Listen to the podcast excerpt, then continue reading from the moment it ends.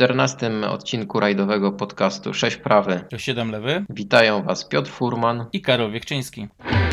Three right minus, tightens cat. Para la salta izquierda buena más, poco tarde viene se cierra más.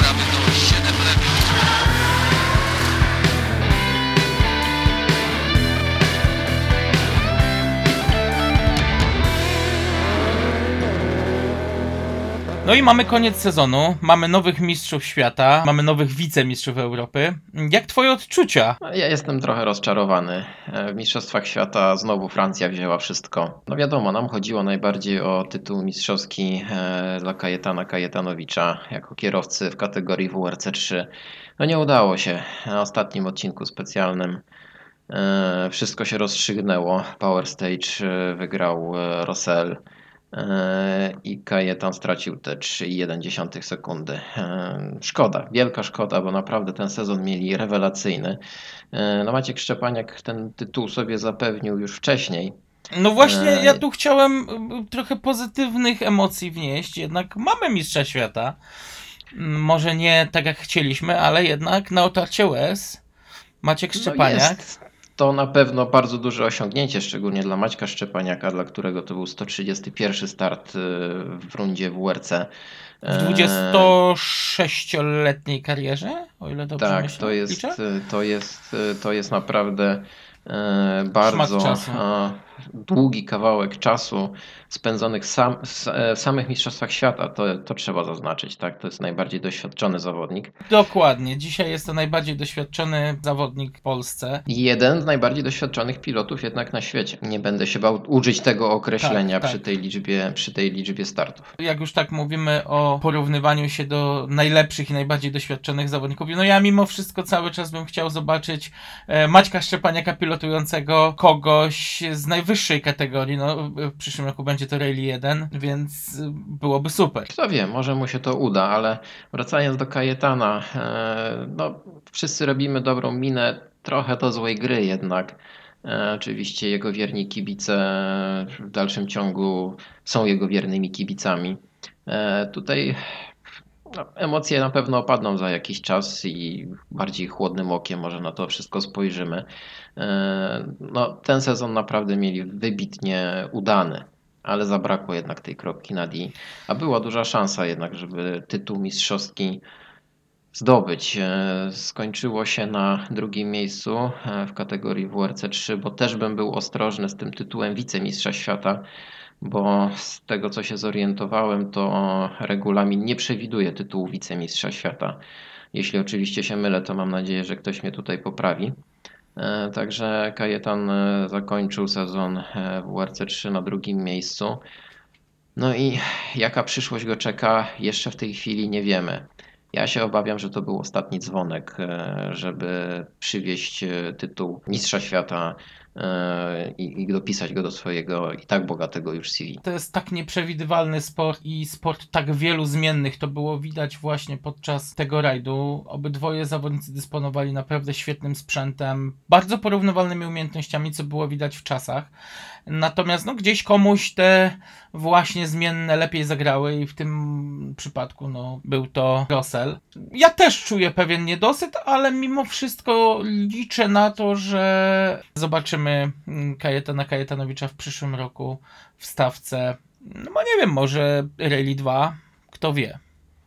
No kto wie, no w przyszłym roku na pewno e, z tych dwóch kategorii WRC2 i WRC3 jedna z nich zniknie, one zostaną połączone. Dzięki Bogu. Tak, to jest na pewno lepsze rozwiązanie, ale na pewno e, jeśli Kajetan zdobędzie budżet i zdecyduje się na starty w przyszłym roku, to na pewno mu nie ułatwi e, zdobycia tytułu, ale z jego pasją do, do, do jazdy rajdowym samochodem i z doświadczeniem, kto wie, życzymy mu jak najlepiej, cieszymy się i gratulujemy e, Kajtkowi i Maćkowi tak udanego sezonu. Naprawdę, panowie, zrobiliście kawał dobrej roboty, także z całego serca Wam gratulujemy. Ja chciałem jeszcze podkreślić to, że ten sezon był naprawdę rewelacyjny i podziękować za emocje do samego końca, do ostatniego odcinka specjalnego.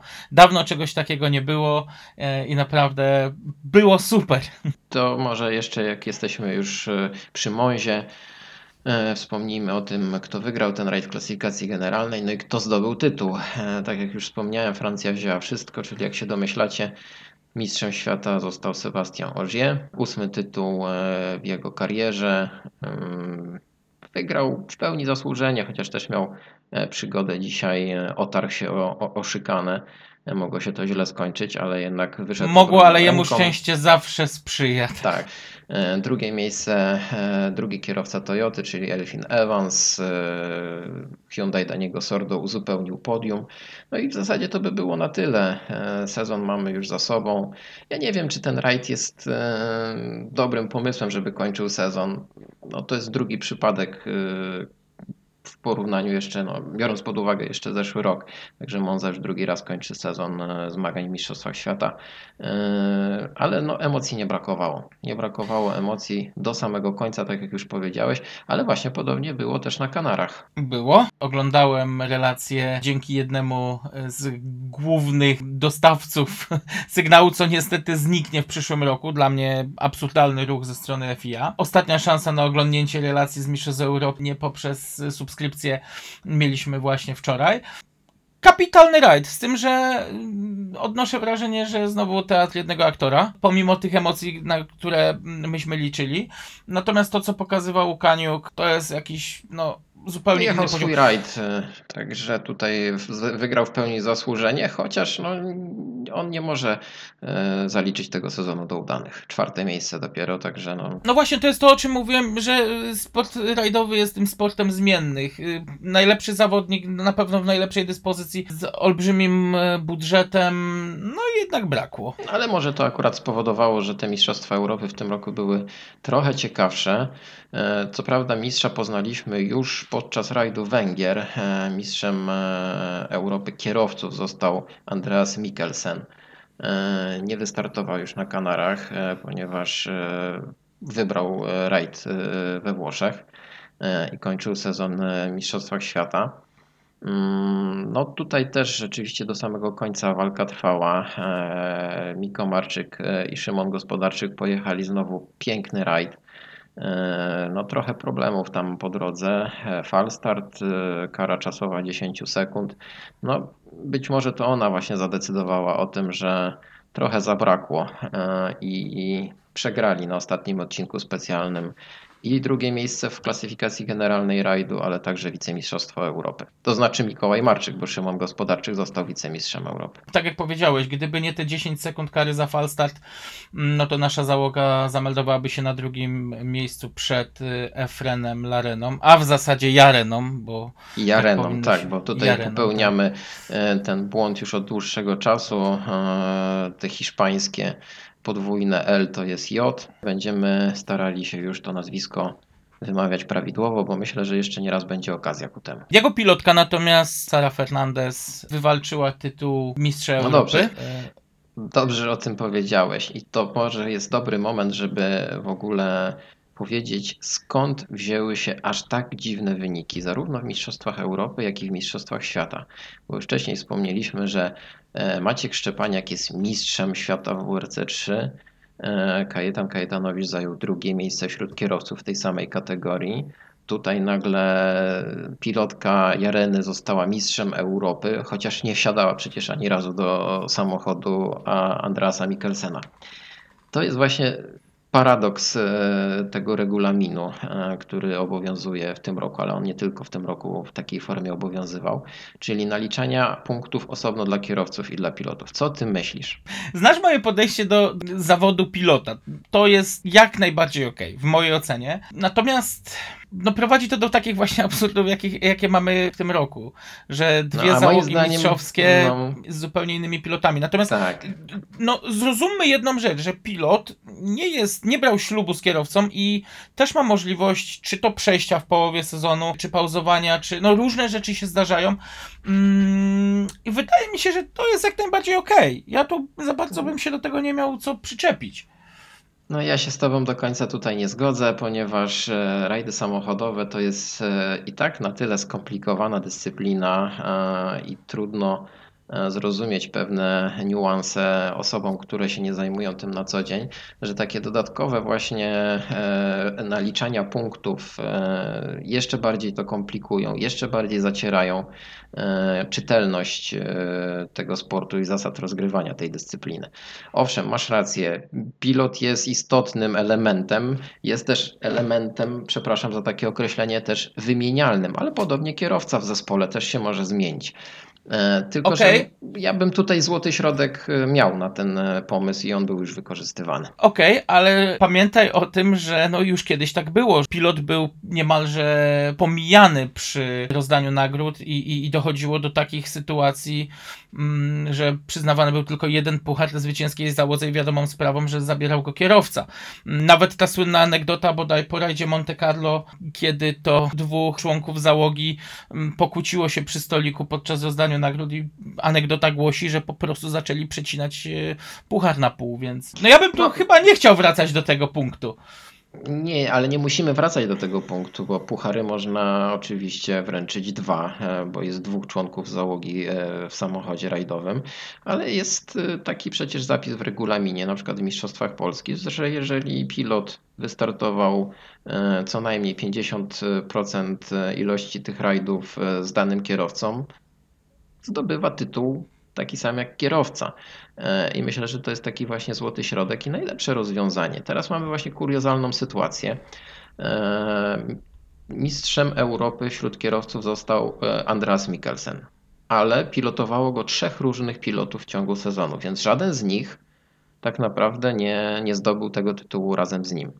E, Mistrzem Europy wśród pilotów, tak jak powiedzieliśmy, jest Sara Fernandez.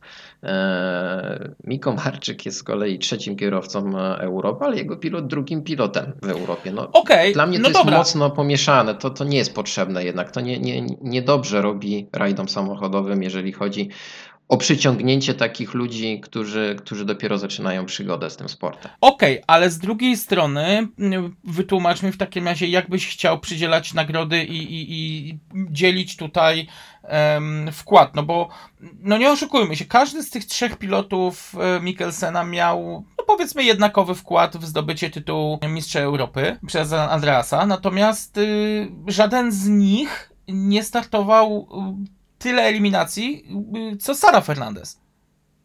Więc y, tutaj Dobrze, jest pewna, no byłaby jednak- pewna niesprawiedliwość, ja bym- prawda? Tutaj e, trzymał w kupie załogę, tak? Jedną załogę, to załoga pracuje na tytuł, na wynik e, w rajdzie, także tutaj No właśnie, no, ale z drugiej strony ja pamiętaj, jednak- że jest to dwóch sportowców. To jest tak, to jest dwóch sportowców, e, którzy no, mają jakieś tam odrębne zadania do wykonania, jak najbardziej, ale tak jak powtarzam, w obrębie jednego samochodu.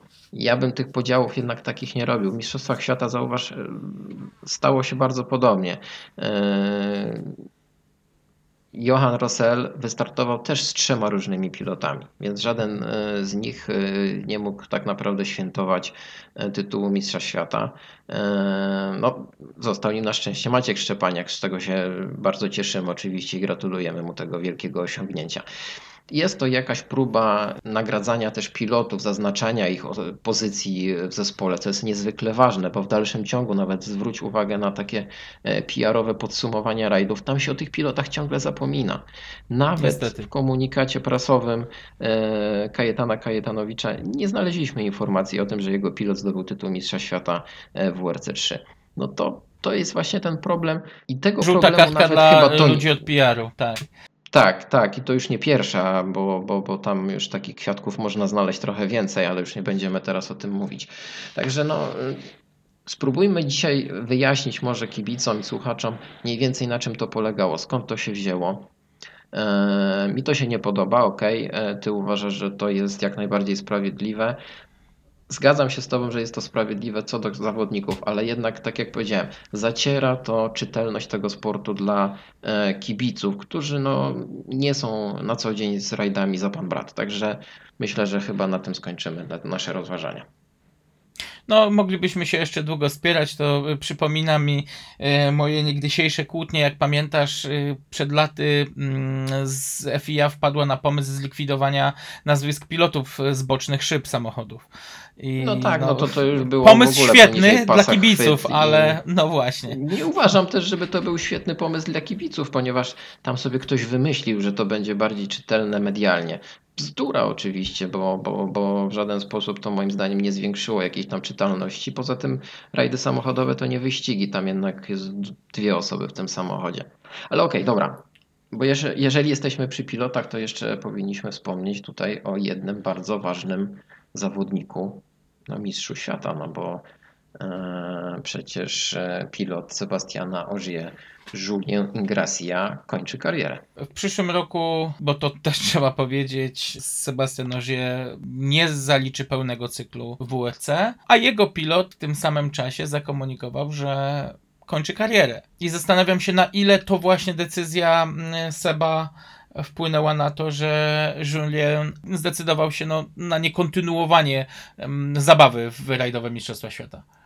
Tak, po 168 startach e, w Mistrzostwach Świata małżeństwo francuskie, drugie słynne małżeństwo francuskie, pozwolę sobie użyć takiego określenia, się rozpada. E, No, podziwiam Juliena, że, że tyle wytrzymał e, przez tyle lat z jednym kierowcą.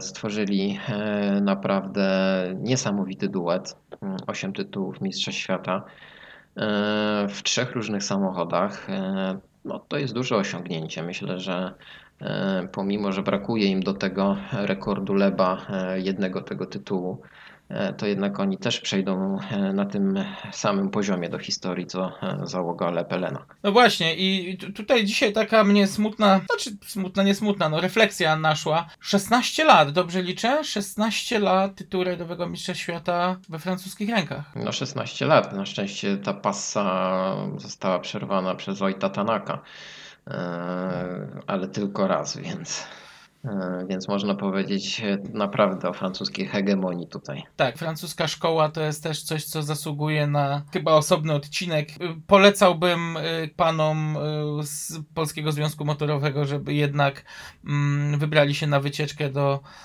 Francji i, i zobaczyli, jak to się robi na zachodzie, żeby później móc właśnie cieszyć się i świętować sukcesy swoich zawodników. Wspomniałeś o Polskim Związku Motorowym, czyli rozumiem, że przechodzimy do dzisiejszego naszego tematu. Tak jest.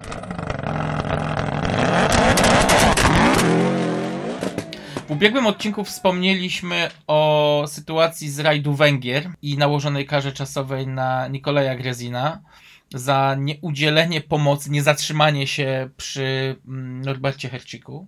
No i chciałoby się aż powiedzieć, że rozdzwoniły się telefony, ale faktycznie wywołała się dość e, ciekawa dyskusja, którą no, stwierdziliśmy, że chyba warto będzie pociągnąć, jeśli chodzi o procedury bezpieczeństwa i przepisy dotyczące poprawy bezpieczeństwa w, zarówno w cyklu Mistrzostw Świata, Mistrzostw Europy, jak i cyklach narodowych. Zdecydowaliśmy się podjąć taki temat, choć wiemy, że to będzie trudny temat e, i, i dosyć rozległy, e, ponieważ chyba w historii motorsportu i rajdów samochodowych przede wszystkim nic tak bardzo nie poszło do przodu i nie ewoluowało właśnie jak e, bezpieczeństwo.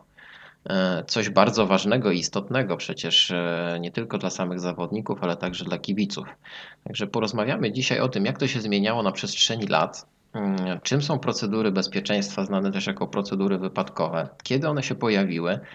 E, A jeżeli chodzi o to, e, o ten PZMUT, o którym trochę wspomniałem, też dzisiaj będziemy rozmawiać e, o tym, jak to wyglądało właśnie w Polsce. A te zmiany w Polsce w ostatnich 20 latach były naprawdę bardzo duże.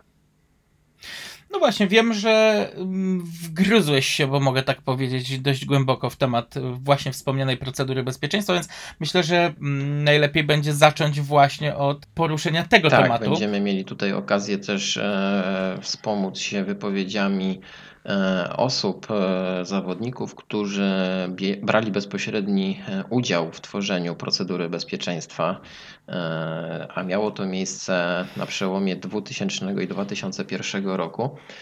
A co było zapalnikiem całej tej sytuacji? Może, może od tego zacznę, e, bo pewnie starsi kibice pamiętają e, bardzo kontrowersyjny rajd Wisły w 2000 roku, e, kiedy zawodnicy na jednym z odcinków specjalnych natknęli się na źle ustawioną szykanę. e, i doszło tam no niemalże do e, tragedii, ponieważ e, zawodnicy najeżdżając bardzo szybko na szykanę, e, no, okazywało się, że ten wjazd na tą szykanę jest zupełnie innej strony. Mm, Część zawodników miało tam kolizję z tą szykaną, a, a jednak większości na szczęście udało się to przejechać bezpiecznie. Na pewno doszło do wielu dantejskich scen w samochodach. Po prostu ta szykana zamiast być z lewej, to była z prawej, czy na odwrót. W każdym Tak, razie tak, wjazd w nią był z dokładnie. drugiej strony. Tak, e, to było Po dość szybkiej partii.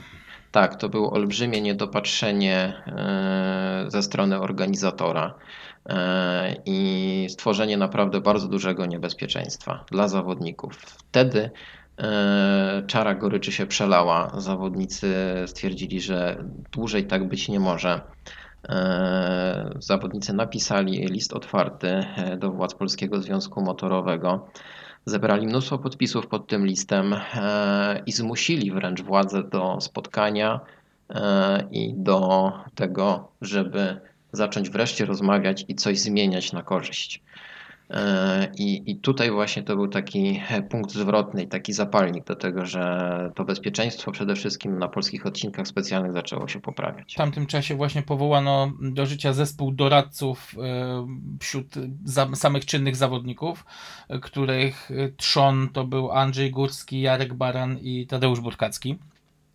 I właśnie Tak.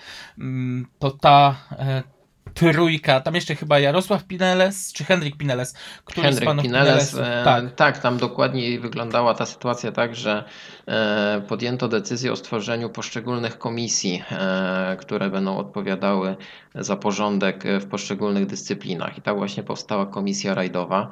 E, W skład tej komisji rajdowej, tak jak powiedziałeś, już wesz, weszły wymienione nazwiska, ale też pojawił się przede wszystkim tam Kuba Mroczkowski, tak jakby takie przewodnictwo objął Henryk Pineles e, i chodziło właśnie o to, żeby zawodnicy mieli jak najwięcej do powiedzenia, bo oni przecież wiedzą i oni się zderzają w trakcie trwania zawodów z tymi wszystkimi e, bolączkami, problemami, niebezpieczeństwami.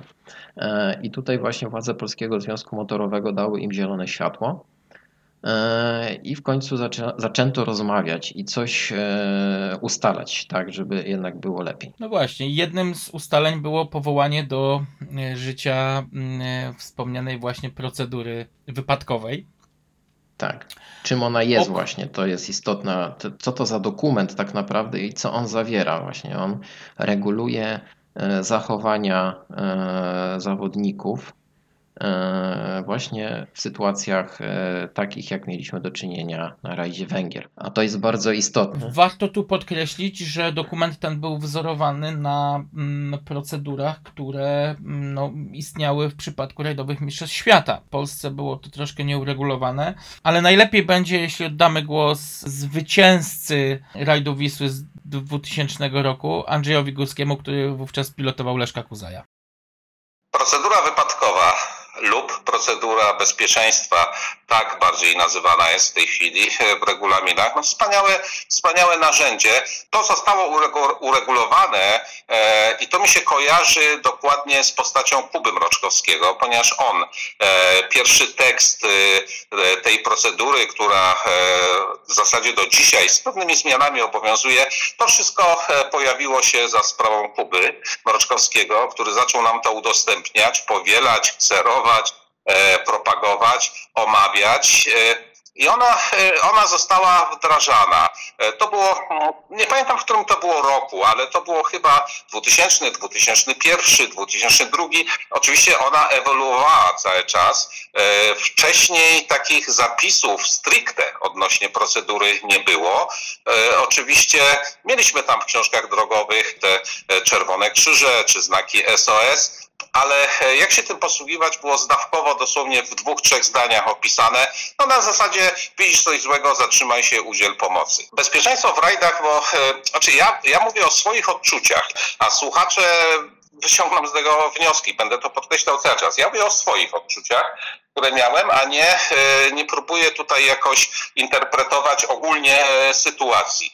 Natomiast wyobraźcie sobie e, nocny odcinek specjalny po ciemku e, ze Szczyrku do Wisły, mm, po pokonaniu Salmopolu, e, długi zjazd e, w dół, e, cały czas do Wisły, e, no samochód WRC, oczywiście Corolla, za kierownicą nie byle kto, Boleszek Kuzaj, e, pędzimy w dół, prędkość jest jakaś astronomiczna, no, potęguje te, te, te, wrażenia noc jeszcze, e, to wszystko i pada komenda, że, że e, e, hamowanie, e, bo był mostek, taki drobny, lekki i za mostkiem 10 metrów powinna stać szykana, wejście od lewej, pada taka komenda, wejście od lewej strony. E, No i, i, i wyobraźcie sobie taką hamującą Corollę WRC z tej potwornej prędkości, no, przeciążenia gigantyczne. E, Jesteśmy już na tym mostku, ta Corolla zwalnia, ale ona dalej pędzi bardzo szybko i nagle widzimy przed sobą ścianę betonu po prostu, ponieważ ta szykana była zbudowana e, z palet, europalet, na których była kostka brukowa, betonowa, o ile dobrze pamiętam. I wejścia nie ma, bo szykana ma wejście ustawione z drugiej strony, od prawej strony jezdni. No więc Leszek jakimś cudem e, no, no, uniknął zderzenia, wymanewrował, wjechał od właściwej strony, no ale to, co się działo później, no to, to, to jest temat na inną e, w ogóle e, rozmowę, awantura do końca odcinka specjalnego, e, obwinianie oczywiście pilota, że źle to zapisał, podyktował. Później na mecie okazało, okazało się, kiedy ja interweniowałem, że szykana jest źle ustawiona, żeby przerwać odcinek, bo dojdzie do nieszczęścia. Każdy samochód, podjeżdżał po nas, w tym samochodzie każdym kolejnym była taka sama awantura. Taka sama awantura. No teraz możemy się z tego śmiać właśnie, ale e, Teraz możemy się z tego śmiać. niefrasobliwość organizatorów mogła doprowadzić do tragedii. Na szczęście tak się nie stało. No i Wiesz, właśnie nieprawdopodobność, może rutyna, no trudno powiedzieć, wiesz, no. E, natomiast najgorsze było to, że e, oczywiście przed rajdem jechało kilka samochodów, sześć łącznie, e, samochodów e, organizatora, samochodów, e, które sprawdzały trasę, jej zgodność z książką drogową i tak dalej. I nikt z obsad tych samochodów, mówię o trzech literach, czyli CBA oraz o trzech zerach, 3 zera, 2 zera, 1 zero, nikt nie, nikt nie wyłapał tego, że szykana stoi odwrotnie. No i No i właśnie to, to jest to już był sygnał, to już był sygnał, że bardzo źle się dzieje po prostu. tak i to was zmotywowało do napisania listu otwartego i spotkania z władzami Polskiego Związku Motorowego. E, Tak. No i w końcu to przyniosło jakieś e, efekty. Jak to właśnie wyglądało? To były, były bardzo możliwe spotkania. Myśmy się, e, myśmy się wtedy jakoś, tak pamiętam, zbierali, jednoczyli i to wszyscy, bez wyjątku, e, bo był zarówno, no oczywiście był Leszek Kuzaj, był Janusz Kulik, był Jarek Baran, był Krzysztof Hołowczyc, e, był Tomek Kuchar, no, no wszyscy, absolutnie wszyscy wtedy, którzy tam byli, był Paweł Dytko. E, pod tym listem, bo ten list gdzieś w archiwach mam do tej pory, e, pod tym listem do PZMOT-u e, podpisało się e, bardzo, bardzo wielu zawodników, nawet niektórzy z nich do dzisiaj startują, muszę ci powiedzieć, więc też mogą ocenić, co się na przestrzeni tych ostatnich 20 lat wydarzyło. Ta procedura powstała, została mm, jak gdyby doprecyzowana, ujednolicona. E, Ona powstała zresztą na całym świecie też, w wielu rajdach, stopniowo, nie we wszystkich krajach jednocześnie, ale ona już dokładnie precyzowała zasady, w jakich, według których e, załogi mają się poruszać na odcinkach. Procedura bezpieczeństwa, zwana też inaczej wcześniej, w swoich pierwszych wersjach, e, ona była nazywana jako cenne 4 minuty, bo ona zakładała, że w momencie, kiedy e, załogi podejmą interwencję na odcinku specjalnym, to pomoc powinna dotrzeć w ciągu 4 minut. No takie, takie było założenie, prawda?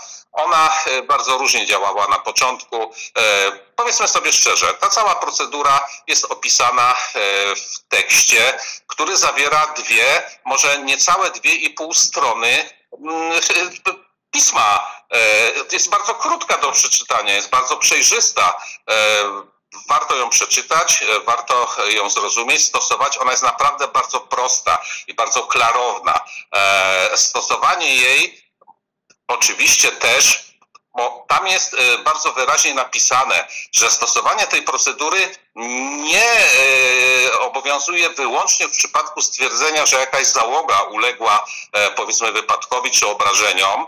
E, nie ma podanego jasnego sygnału, że e, musisz się zatrzymać, cokolwiek, tylko ta procedura dotyczy też innych uczestników rajdu, czyli osób funkcyjnych, sędziów, którzy też mogą ulec jakimś obrażeniom lub kibiców, ludzi, postronnych ludzi. Wtedy też należy tą procedurę zastosować. No to jest, to jest takie, mówiło się wtedy o tym, że to jest wspaniałe narzędzie i ja z tym się zgadzam, że tak jest. No zresztą każdy element podnoszący bezpieczeństwo w rajdach, zarówno zawodników, jak i kibiców, jak i sędziów, no, jest, jest na wagę złota po prostu. To nie, nie można tego przecenić. Potem piastował Pan e, ważne funkcje. E, Był Pan między innymi obserwatorem. E, Jak e, z Pana perspektywy mm, wyglądała później poprawa bezpieczeństwa w polskich rajdach? Czy rzeczywiście sama procedura wniosła coś dobrego? Czy zawodnicy, działacze bardziej się mobilizowali do tego, żeby było bezpieczniej? ona wniosła e, bardzo dużo dobrego, ale jak to bywa e, w każdym społeczeństwie i w każdej grupie ludzi, e, no nie wszyscy tą procedurę, ponieważ ona już obowiązywała, nie wszyscy ją przeczytali. I nie wszyscy ją stosowali. E, Później przez e, wiele, wiele lat, a nawet wiemy o tym, że do dzisiaj, no nie ukrywajmy tego, ale przez wiele, wiele lat e, było tak, że na wielu, wielu rajdach dochodziło do takich nieprzyjemnych sytuacji, bo zawodnicy po prostu łamali procedurę, nie stosowali jej. A wynikało to z tego, że po prostu jej nie przeczytali. No nikomu się, nie, trudno uwierzyć, nikomu nie chciało się przeczytać dwóch stron tekstu. E, dochodziło do takich sytuacji, że ktoś najeżdżał na wypadek, e, załoga prosiła, e, prosiła, wymuszała wręcz, prosiła jedź, jedź szybko do punktu radiowego, wzywaj karetki, wzywaj pomoc. No i tu już następowało złamanie procedury, ponieważ ten, który się zatrzymał, e, powinien był uruchamiać e, jakby całą tą akcję, czyli, e, czyli zabezpieczać miejsce, zatrzymać następnego, jego wysłać do punktu radiowego, powiedzmy i tak dalej. Natomiast tutaj dochodziło do takiej sytuacji, że ten pierwszy się zatrzymał, został niejako zmuszony, ponaglony, żeby szybko jechać po pomoc, więc ruszał dalej, jechał, nie miał kto zatrzymać następnego, następny i jeszcze następny i jeszcze następny, przejeżdżali w pełnym tempie rajdowych obok tych poszkodowanych, no i, no i tak to się działo, no tak to wyglądało. Czy regulamin przewidywał e, wtedy, no i teraz oczywiście, e, jakieś kary właśnie dla zawodników, Tak, którzy kary nie były stosowane. się? Tak, ale regulamin nie opisywał dokładnie, jakie to mają być kary, ale to były kary e, no, uznaniowe według, według uznania sędziów, zespołu sędziów sportowych. Ale to były kary takie, które no, mieściły się w granicach, powiedzmy, wtedy, wtedy, co z dzisiejszej perspektywy oceniam za złe i słabe, e, ale w granicach 10, 10 minut najczęściej dawano wtedy takie kary. Dlaczego mówię, że słabe? Dlatego, że, dlatego, że wtedy sam może jeszcze tak do końca nie zdawałem sobie sprawy z tego, jak, jak ważne jest stosowanie tej procedury, tego wszystkiego. Ja nawiążę tylko do sytuacji całkiem świeżej, ostatniej, czyli sytuacji z rajdu e, Węgier, która miała teraz miejsce. No tam doszło do takiej kontrowersyjnej e, sytuacji, że e, zawodnik e, gospodarzy wypadł z drogi, uderzył w skarpet czołowo na wyjściu z zakrętu i kierowca wyszedł z samochodu, pilot nie wychodził i nadjeżdżał następny zawodnik, czyli, czyli Griazin, o ile dobrze pamiętam, który prowadził w rajdzie i on został przez tego poszkodowanego niby, no nie został w sposób jednoznaczny e, powiadomiony o tym, że jest wszystko ok, może jechać lub e, potrzebuje pomocy. No, to było takie przyhamowanie, schamowanie i tak dalej. Ja, tak jak mówię, ja przedstawiam swoją ocenę w tej chwili. I e, dochodzi do sytuacji takiej, Griazin oczywiście wygrywa, akurat wygrał ten rajd w klasyfikacji generalnej. Później e, sędziowie wzywają go na zespół, na posiedzenie. E, Sędziowie stosują bezwzględnie przepis i tutaj mają rację, że Gryazyn nie widział ani w rękach zawodnika, ani sygnału SOS, ani sygnału OK. I nie widział też, żeby zawodnik ręką pokazał wyraźnie OK, czyli zaciśnięta pięść z kciukiem w górę. Tego też nie było. W związku z powyższym tutaj przepis nie zostawia żadnych możliwości, ponieważ przepis zakłada, że zawodnik może być w szoku, nie bardzo wie co robi, należy się zatrzymać i udzielać pomocy. Gryazyn pojechał dalej.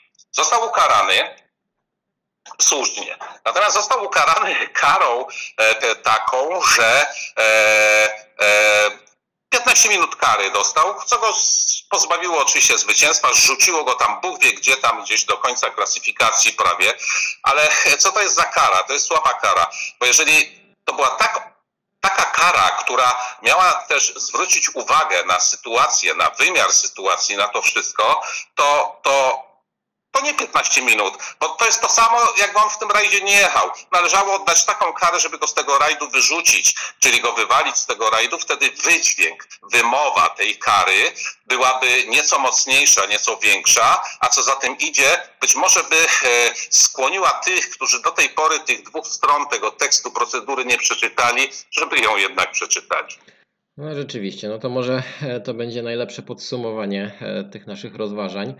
E, Dziękujemy serdecznie za wypowiedź. Jest to dla nas bardzo istotna wypowiedź, ponieważ no, Pan brał bezpośredni udział właśnie ponad 20 lat temu w tworzeniu tych procedur, no i dzięki temu zwiększeniu bezpieczeństwa w rajdach samochodowych. Także dziękujemy Pamiętaj, serdecznie. dziękuję, dziękuję, dziękuję bardzo. Pamiętaj o tym, że prekursorem był Kuba, Kuba Raczkowski. Mając na uwadze słowa pana Andrzeja, postanowiliśmy zapytać o okoliczności, które wymusiły zmiany w regulaminach, a także dały początek powstania procedury wypadkowej, jej prekursora, Kubę Mroczkowskiego. No tak, w, w 2000 roku była e, rewolucja w Polskim Związku Motorowym. Regulaminy nie były uaktualniane przez wiele, wiele lat. Nie odpowiadało to zawodnikom i dlatego zechcieli mieć sw- swoją reprezentację we władzach Polskiego Związku Motorowego i w związku z tym powstały komisje do każdej dyscypliny sportów samochodowych, a przewodniczący tych komisji y, wchodzili w skład głównej komisji sportów samochodowych PZMOT.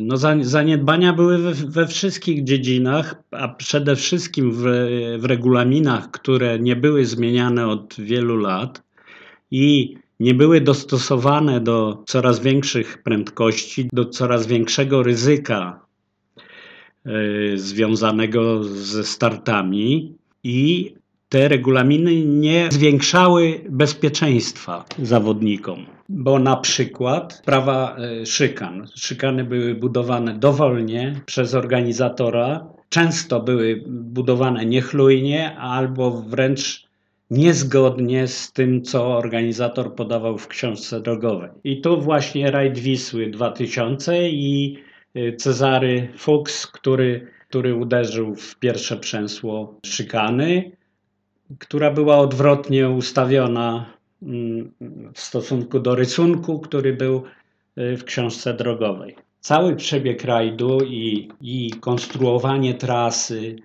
wszystko y, się łączyło z bezpieczeństwem. Każde złe wykonanie, czy niechlujne wytyczenie trasy, bo y, też problem polegał na tym, że organizator nie dysponował tak szybkimi samochodami jak y, samochody rajdowe i często było tak, że organizator tworzył trasę za pomocą malucha albo jakiegoś innego powolnego samochodu, nie zdając sobie sprawy z tego, że dla szybkich samochodów to będą zupełnie in, inne zakręty. Do tej pory e, regulamin nie regulował e, spraw związanych z, be- z bezpieczeństwem załogi, ani jak należałoby się zachować wtedy, kiedy widzi się wypadek. E, No wiadomo, z, z punktu widzenia ludzkiego, no to każdy z nas chciał udzielić pomocy, ale niejednokrotnie były to ewidentne takie sprawy. Nie wiadomo było, czy są poszkodowani, czy nie ma, je, bo stojący na poboczu rajdowy samochód zdarzał się dosyć często, bo i psuły się samochody i, i tam z różnych powodów kierowcy stawali e, na poboczu. No więc y, i trudno założyć, żeby się przy każdym takim samochodzie zatrzymać. W związku z tym istniała konieczność właśnie ustalenia regulaminowej procedury bezpieczeństwa. No właśnie, bo jako zawodnik e, brałeś udział e, niejednokrotnie w takich e, sytuacjach ratunkowych, między innymi przy wypadku Ryszarda Granicy. No tak, tak. Byłeś e, świadkiem i uczestnikiem właśnie e, akcji ratunkowej, więc e, wiesz, jakie były niedociągnięcia, jakie były problemy związane z konkretnymi wytycznymi.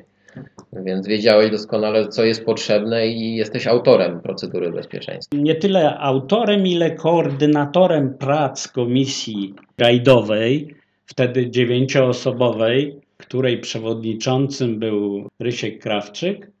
I on wchodził jako przewodniczący komisji rajdowej w skład głównej komisji. I komisja e, rajdowa zajmowała się różnymi sprawami. Przede wszystkim napisaliśmy od nowa regulaminy sportu rajdowego, regulamin e, rajdowych Mistrzostw Polski i również e, pracowaliśmy dosyć długo, chyba około roku nawet, nad procedurą bezpieczeństwa. Właśnie ja byłem koordynatorem prac komisji i efektem tych prac była procedura bezpieczeństwa no, prawie w takiej formie, jaka później była opublikowana na stronach PZMOT-u przez Andrzeja Górskiego.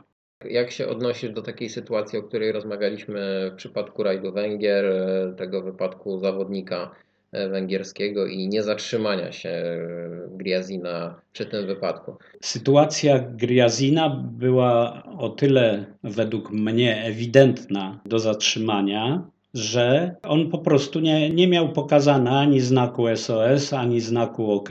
W związku z tym nie wiedział, czy należy udzielić pomocy, czy nie. A jeśli nie wiesz, no to należy się zatrzymać i, sprawdzić. Przynajmniej to. I tak zresztą jest y, w regulaminie procedury. To jest określone ewidentnie, że jak nie, nie ma znaków, to obowiązkiem jest zatrzymanie się. Dziękujemy bardzo za tę wypowiedź.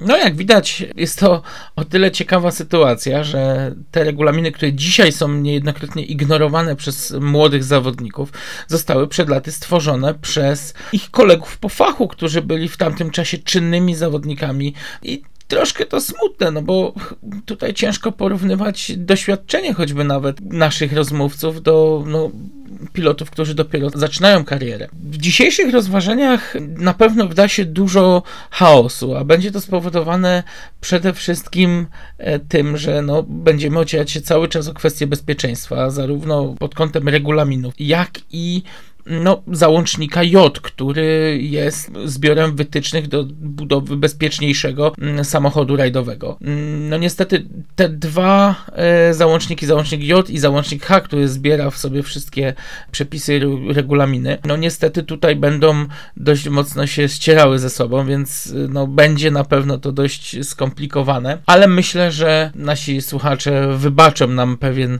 chaos, który się tu wedrze, bowiem wszystko tyczy się zagadnień poprawy bezpieczeństwa. I tu przy okazji nasuwa mi się taka refleksja, bowiem większość, jak już nawet zauważyliśmy pod kątem e, incydentu z Wisły mm, z 2000 roku, większość zmian w regulaminach, zmian w przepisach, zmian w załączniku J wywołana była jakimiś dramatycznymi wypadkami bądź, bądź przypadkami.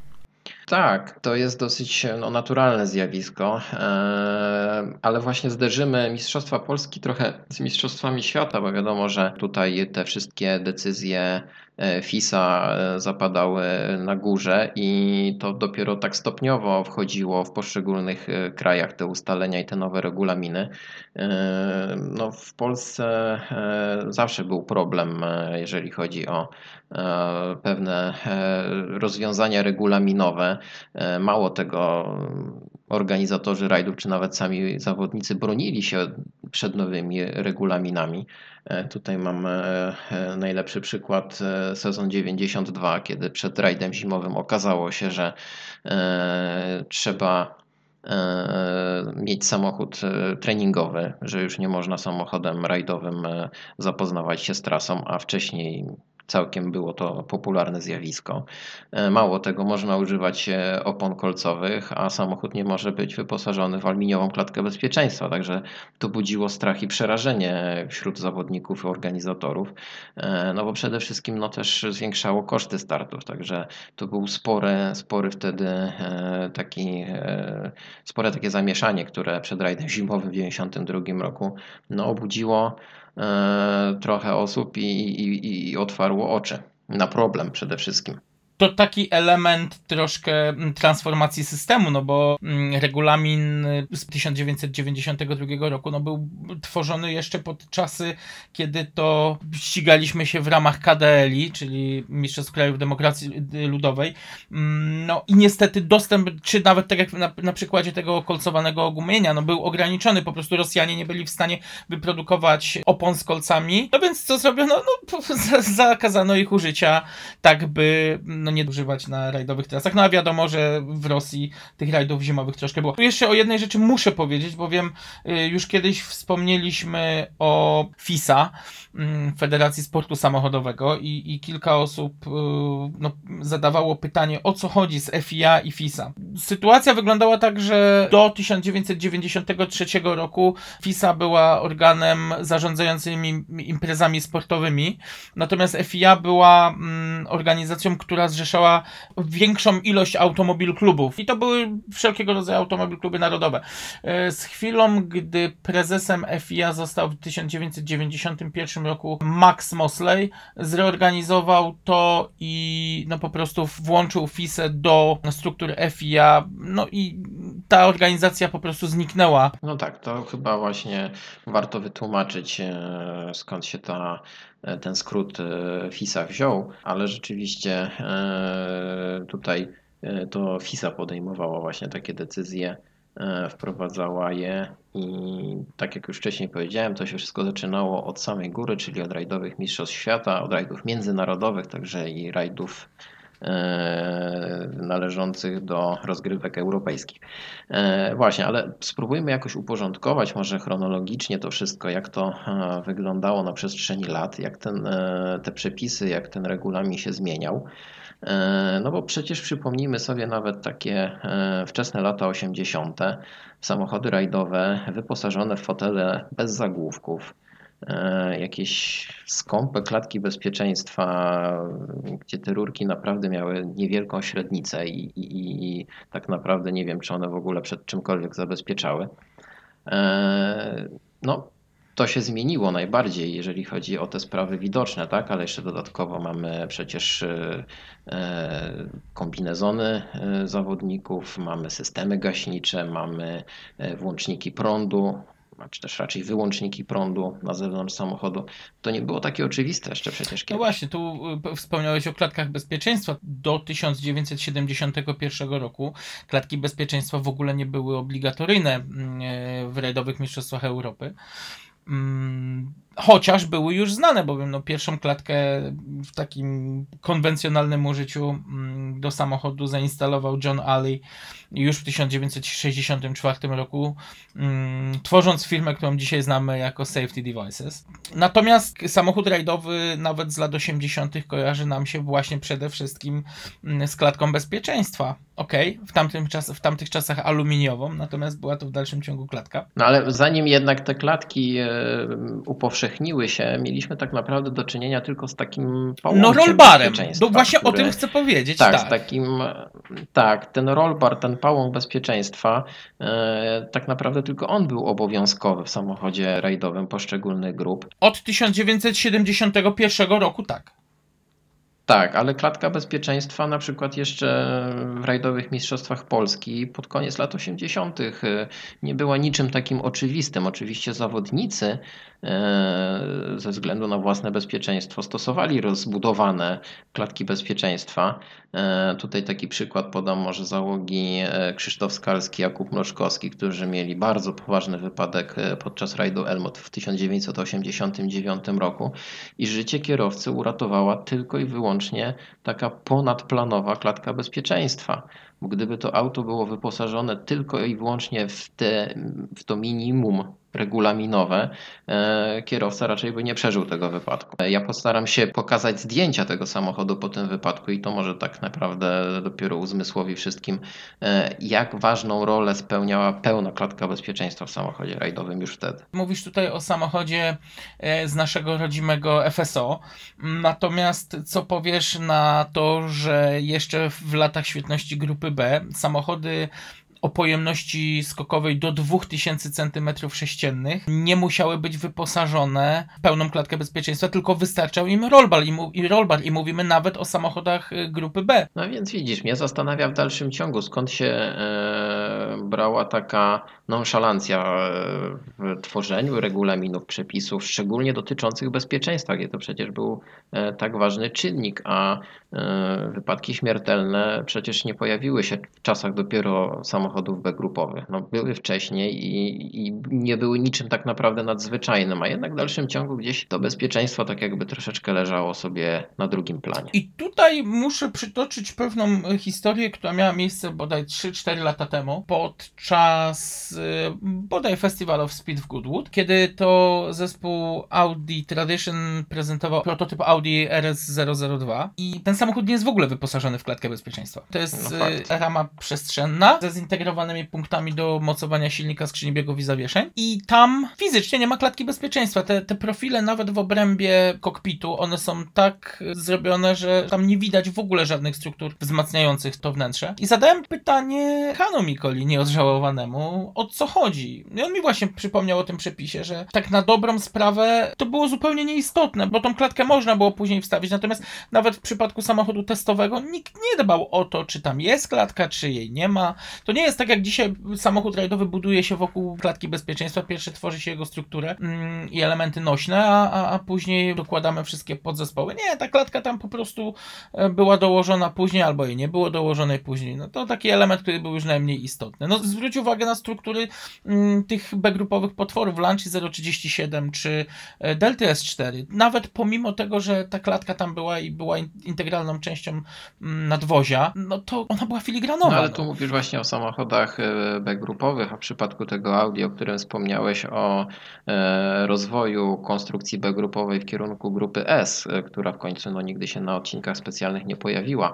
No i te konstrukcje tak mocno odbiegały od e, takich klasycznych e, nadwozi samochodów e, rajdowych, które nawet no, teraz są stosowane, że rzeczywiście ta klatka mogła być jako pomijana nawet w sensie takiego ogólnego wzmocnienia sztywności e, całej tej konstrukcji, tak? bo tam rzeczywiście to zupełnie inaczej wyglądało.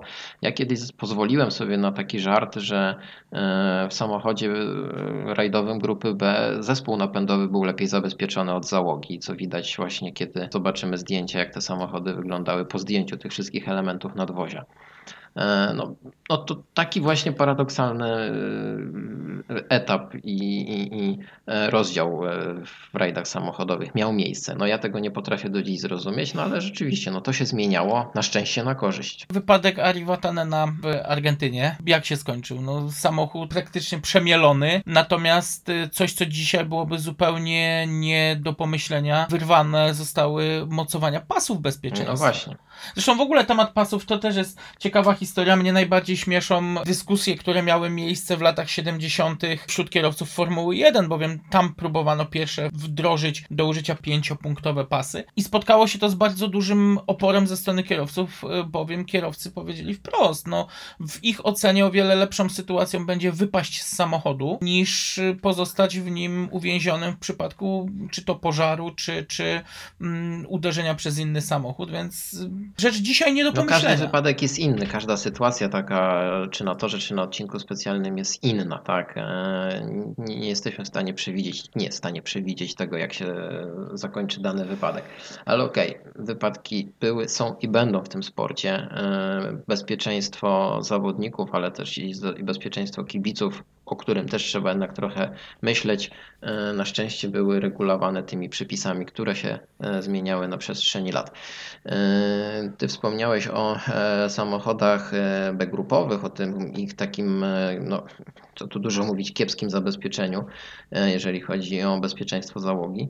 Ale przypomnij sobie pierwsze konstrukcje samochodów grupy A. Tam też nie było szaleństwa jeszcze z tymi klatkami bezpieczeństwa. Oczywiście, że nie. Pamiętaj, że jeszcze w 1987 roku warunkowo dopuszczono klatki aluminiowe. Natomiast wspominając o grupie B, nie sposób tu zauważyć, że jednak szczególnie wypadek Henry Toivonena płynął bardzo mocno. To było takie trochę wiadro zimnej wody na głowę mm, Fisa. Jean-Marie Balestre no, został postawiony do pionu w ogóle całym sezonem 86, bo najpierw wypadek Portugalii, później wypadek Toivonena. No i wiadomo było, że coś jednak y, FISA musi zrobić w temacie bezpieczeństwa. I też wprowadzono właśnie w 86 roku y, standard, który był, no, czy też norma 1986, która narzucała użycie w Mistrzostwach Świata y, bezpiecznych zbiorników paliwa, narzucała użycie systemów gaśniczych, narzucała użycie kombinezonów ognioodpornych. Tutaj też taka ciekawostka, bowiem firma Sparco która dowiedziała się o tym, że y, nowe przepisy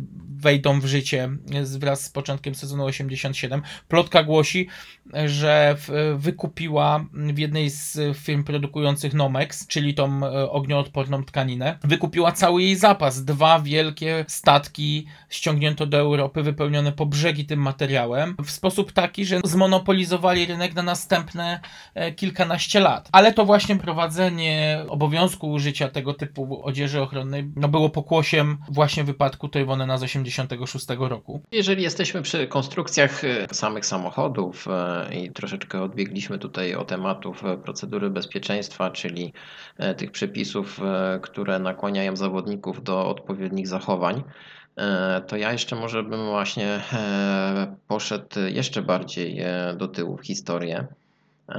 I na przykład e, wspomniał wypadek e, Landsberga z 1979 roku na rajdzie Krokusy, bo tam też pewne rozwiązanie, a raczej jego brak miało wpływ na to, jak przebiegała e, akcja ratownicza.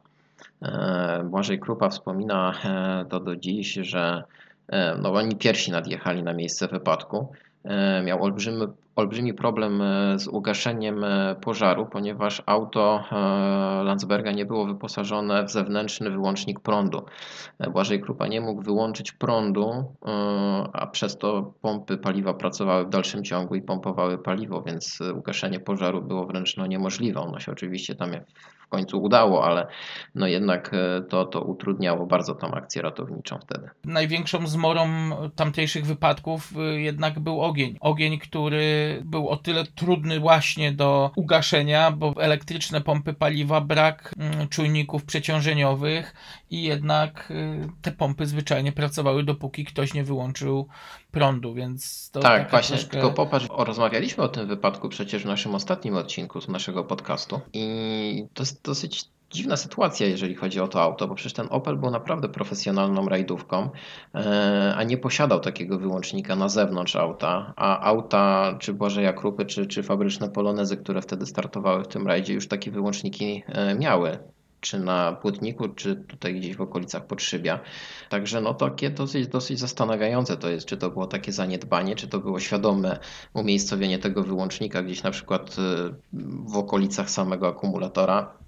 Dziwna sprawa. No właśnie, ja nie będę opowiadał bzdur, bo szczerze mówiąc nie wiem, natomiast też trzeba pamiętać, że jednak była rozbieżność w dalszym ciągu pomiędzy przepisami narodowymi a przepisami Mistrzostw Świata i to też jednak wpływało w jakiś sposób niekorzystnie na to, że te samochody no, w kraju były przygotowane jednak nawet pod kątem bezpieczeństwa troszkę No gorzej. właśnie, a pożary, tak jak już wspomniałeś, to jest jeden z najbardziej niebezpiecznych takich e, elementów e, które no, mogą wystąpić e, przy okazji prawie każdego wypadku. Tutaj jeszcze mi się przypomina taka historia też związana z Błażeją e, Krupą. W 1982 roku na rajdzie Dunaju e, wypadli z trasy, auto Renault 5 Turbo przewróciło się na bok i zaczęło się palić, ponieważ rozstrzelił się zbiornik paliwa. No i niestety, ale gaśnice, które posiadali na pokładzie nie wystarczyły. Nie wystarczyły też gaśnice zawodników, którzy się zatrzymywali przy wypadku i pomagali ugasić ten samochód. A przypomnijmy, że jeszcze wtedy no, nie było mowy o czymś takim jak systemy gaśnicze. Pożary zdarzają się również dzisiaj, więc to, że samochody rajdowe mm, lubią się palić, to no, żadna tajemnica. Jednak rozgrzane no tak, elementy tego nie unikniemy, tak. No właśnie. Tego nie unikniemy. Ale właśnie dlatego o tym zacząłem mówić, żeby przejść do tematu właśnie tych systemów gaśniczych, bo wiem, że e, udało Ci się no, po trochu chociaż e, zlokalizować daty, e, kiedy, kiedy tak naprawdę to zaczęło obowiązywać e, w rajdowych samochodach. Systemy gaśnicze to też jest dość ciekawy temat. Przed 86 rokiem było zalecenie dotyczące posiadania e, 1,5 kg środka gaśniczego w samochodzie, natomiast mówię tutaj o Mistrzostwach Świata. Niestety nie udało mi się dojść do regulaminów z Mistrzostw Polski, to też mogłoby być dość ciekawe. Nie było powiedziane, czy jest to system gaśniczy, czy też jest to w kwestii y, jednej butli umiejscowionej, nie wiem, pod siedzeniem pilota, czy, mm, czy gdzieś indziej w samochodzie. Natomiast po wypadku właśnie Henry'ego Toivonena, który no niestety em, był taki tragiczny w skutkach z racji pożaru. Tam nałożyło się kilka przyczyn, no, umiejscowienie zbiorników paliwa, em, prawdopodobne uszkodzenie tych zbiorników paliwa. Zbiornik, przypomnijmy, był pod siedzeniem zarówno kierowcy i pilota, więc bardzo łatwo go było uszkodzić. Do tego, tak jak już wspomniałeś, pompy paliwa, dość prymitywne układy wtryskowe mm, i brak jakiegokolwiek zabezpieczenia, mm, które odcinałby prąd. To nie jest tak jak dzisiaj, bo to też jest taka, ja tu muszę na, nawiązać jednak do współczesnej technologii. Dzisiaj każdy samochód rajdowy, już od ładnych kilkunastu lat, ja wiem, że to zabrzmi absurdalnie, ale uwierzcie mi, tak jest, jest wyposażony w elektroniczny system odcinający prąd, wyłączający całkowicie napięcie w samochodzie. Jeżeli kierowca naciśnie dwa pedały, czyli gaz i hamulec z określoną siłą. Mnie się w to wierzyć nie chciało, dopóki sam tego nie zobaczyłem. Każde auto WRC czy klasy T1 jest wyposażone właśnie w taki system. Walczy się o to, żeby właśnie odciąć ten prąd w przypadku jakiejś sytuacji krytycznej. W 1986 roku już było wiadomo, że będziemy walczyć z opanowaniem ognia i FISA wprowadziła obowiązek użycia systemu gaśniczego. Natomiast y, było to tak niejasno sprecyzowane. Było tylko powiedziane, że system gaśniczy ma wypełnić przedział załogi oraz komorę silnika. Natomiast w y, specyfikacji załącznika y, nie było ani rozlokowanych punktów, w których mają być dysze z systemu gaśniczego, ani żadnych no, informacji na ten temat. System działał w oparciu o środek gaśniczy Halon 1211. Dzisiaj ten środek gaśniczy już jest no, niestety niemożliwy do użycia. On był bardzo dobry i, i dużo załóg mówi wyraźnie, które, szczególnie tych załóg, które miały do czynienia przed laty i dzisiaj z ogniem w samochodzie, że jednak współczesne środki gaśnicze nie radzą sobie tak dobrze ze stłumieniem ognia jak właśnie mm, Halon 1211. Dzisiaj korzystamy mm, z systemów Nowek czy Zero. Natomiast y, no, halon jest niestety bardzo szkodliwym gazem. Jest to jeden z gazów cieplarnianych, więc y, zakazano jego użycia.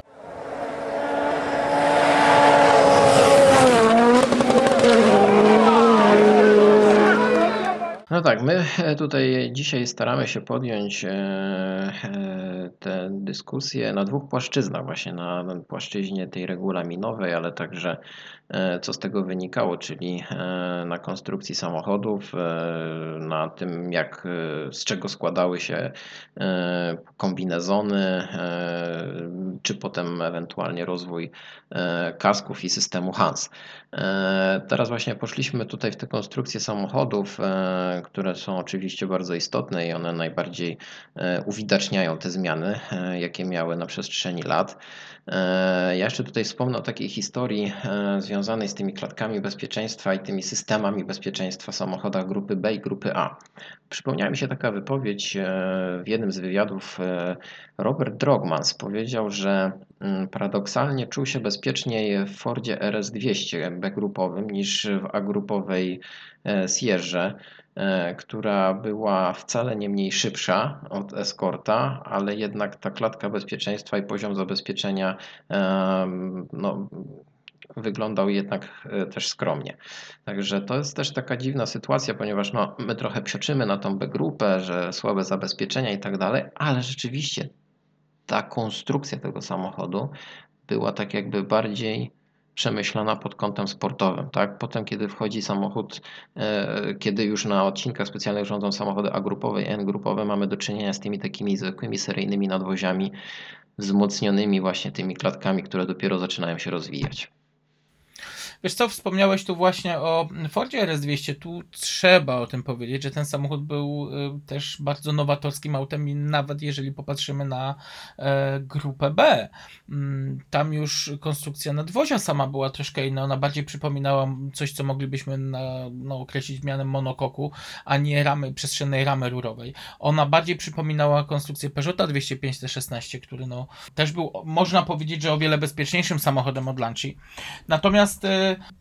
RS200 jest autem bardzo niedocenionym i, i, i, i to jest jedna rzecz. Natomiast to, co powiedziałeś, chyba nie, nie ma kierowcy, który przesiadłby się z auta B grupowego do samochodu A grupowego i powiedziałby, że jednak czuje się bezpiecznie w aucie grupy A. To oczywiście ja piję troszkę do tematu mocy samochodu i możliwości w sytuacji podbramkowej użycia tej mocy i każdy jeden z kierowców, który jednak jeździł B grupą mówi, że no wiele pewniej czuł się mając dodatkowe mm, 100-200 koni w takim samochodzie do dyspozycji niż w przypadku auta mm, grupy A. No ja świadomie tutaj jeszcze poruszyłem ten temat, bo chciałbym już zamknąć e, może e, rozdział e, do 86 roku, czyli tych samochodów B-grupowych e, i może skupmy się na e, rozwojem poziomu bezpieczeństwa właśnie od 87 roku, czyli samochody A-grupowe, no a potem WRC właśnie. Jak to wszystko wyglądało na przestrzeni tych ostatnich e, powiedzmy 30 kilku lat? Mm, Norma wprowadzona w 1986 roku i obowiązująca od roku kolejnego okazała się na tyle przemyślaną normą, że obowiązywała praktycznie do e, 1999 roku, więc e, widać było, że FIA, a w zasadzie jeszcze wcześniej FISA, odrobiła lekcję i nauka nie poszła w las. Trzeba też wspomnieć o tym, że jeszcze w latach 90. w obrębie samej grupy A było bardzo wiele mm, zmian, szczególnie bodaj 95 roku, kiedy to też e, FIA wprowadziło nowe przepisy i no, były one mocno dyskutowane w środowisku rajdowym. Jak dobrze pamiętasz, tam bardziej był nacisk na ograniczenie treningów, na obcięcie, bo tu też o jeszcze jednej rzeczy nie wspomnieliśmy. Jak duże niebezpieczeństwo było wywołane przez no, ten drugi rajd w rajdzie, czyli rajd serwisu. Tak, Mm, czyli- FIA już w 95 roku próbowało coś z tym zrobić. No i i zrobiło, bo właśnie dobrze, że wspomniałeś e, o, o, o tych zmianach e, w latach 90., bo największa rewolucja regulaminowa w rajdowych mistrzostwach świata właśnie miała miejsce w 95 roku. E, Wtedy właśnie też e, zakazano serwisowania samochodów, gdzie popadnie, wyznaczono odpowiednie strefy do tego. E, To też oczywiście budziło wiele kontrowersji. Skrócono, ogólnie już wtedy była tendencja do skracania rajdów, ale na przykład między etapami przerwa nie mogła być krótsza niż 6 godzin, więc zaczęły się kurczyć te etapy nocne. No, zakaz stosowania opon slick. Przecież też miał Tak, miejsce pełnych właśnie slicków, w tak. 1995 roku, tak, pełne sliki wtedy odeszły już całkowicie do lamusa. E, więc rzeczywiście, no, jakieś tam ograniczenia budżetowe e, może po trochu były też tłumaczone tematami bezpieczeństwa, ale rzeczywiście taka rewolucja największa miała miejsce w 1995 roku. Tam była jeszcze jedna, jeszcze jeden przepis, który mnie e, zawsze bawił, to znaczy właśnie tak jak wspomniałeś, jeśli chodzi o ograniczenie długości trwania imprezy, FIA wprowadziło ograniczenie do 120 godzin od chwili rozpoczęcia badania technicznego do chwili rozdania nagród i podobno bardzo skrupulatnie tego się trzymano. No, to było dosyć takie teoretyczne zalecenie, ale no jednak no, trzeba było jakoś te rajdy wszystkie e, no, upodobnić do siebie jakoś pewnymi takimi e, zasadami rozgrywania, e, bo rzeczywiście no, to zatraciło charakter oczywiście poszczególnych imprez. Chociaż i tak jeszcze przecież jak wspominamy lata 2000 i to co się działo po roku 2000, a teraz to i tak jest niebo a ziemia. Nie, oczywiście, tylko tu właśnie chciałem jeszcze o jednej rzeczy wspomnieć, bowiem yy, wprowadzenie zakazu było bardzo mocno dyskutowane i organizatorzy rajdu Monte Carlo powiedzieli, że no tak, no to oni w takim razie rezygnują z organizacji imprezy zupełnie. Mm, No i FIA musiała się pochylić nad organizatorami e, rajdu Monte Carlo, no i ich ten zakaz nie obowiązywał, więc to było dość, dość e, kuriozalne. Natomiast w tym samym roku jeszcze mm, weszła jedna nowinka techniczna, która w mojej ocenie bardzo mocno wpłynęła na mm, poprawę bezpieczeństwa. Stała się zmorą dla zawodników, a mianowicie chodzi mi o coś, co e, określane było trzema magicznymi literami EDT. Kojarzysz wprowadzenie mm, Electronic Tracking Devices, czyli urządzeń, urządzeń, które dzisiaj określilibyśmy mianem GPS-u. Tak, to właśnie też miało miejsce w 95 roku. Tak, tak. Czyli ten Tak. system kontrolował położenie samochodu rajdowego i na trasach dojazdowych i na odcinkach specjalnych. Oczywiście też to tłumaczono bezpieczeństwem. E, No ale to rzeczywiście no teraz przecież jest jak najbardziej naturalne zjawisko. E, Wtedy to wszystko budziło kontrowersje. No. E, Ja się wcale nie dziwię. No, to jednak było takie przejście z tej starej ery e, do pewnej cywilizacji, e, która no musiała w końcu w tym sporcie też e, zapanować.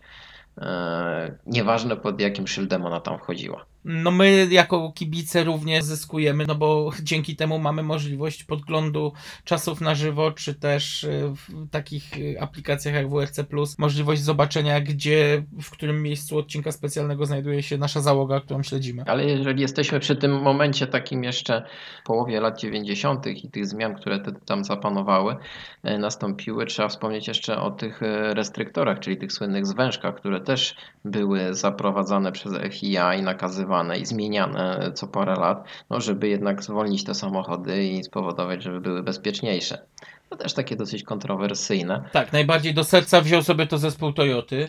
Tak, e, no wziął sobie do serca to, jak ominąć e, ten zakaz, ale no przecież wiemy, że nie tylko Toyota manipulowała e, przy zwężkach, tych przykładów jest mnóstwo, ale przypomnę właśnie, może te pierwsze restryktory pojawiły się w 1990 roku, e, potem w 1992 roku e, te otwory dolotowe zostały pomniejszone, aż w 1995 roku jeszcze chyba o 2 mm w stosunku do grupy A sprzed e, 95 roku. Także rzeczywiście no, tych zmian było dużo.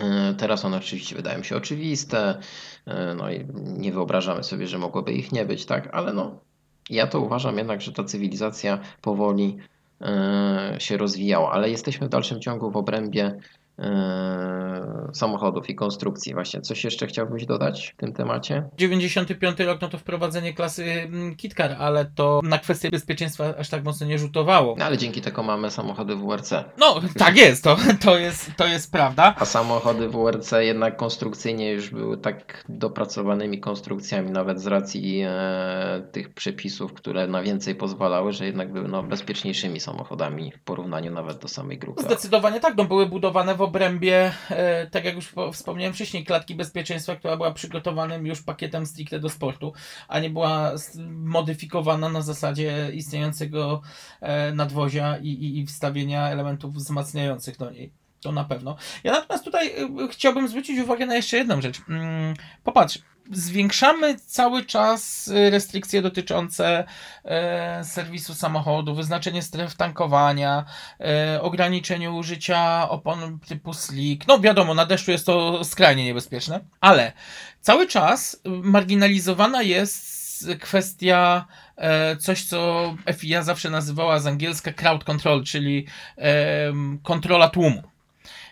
Jeszcze, jeszcze praktycznie do połowy lat 2000 ten temat schodził jak gdyby na dalszy plan. W zasadzie wraz y, z pojawieniem się pierwszych samochodów WRC już zaczęto tam coś kombinować, natomiast w Mistrzostwach Świata lata 90. to istna wolna amerykanka, jeśli chodzi o, mm, o kibiców. No fakt, tutaj kibice jeszcze w zależności od temperamentu e, i, i, i kraju, w którym odbywał się rajd, e, no tutaj Portugalia chyba biła wszelkie rekordy.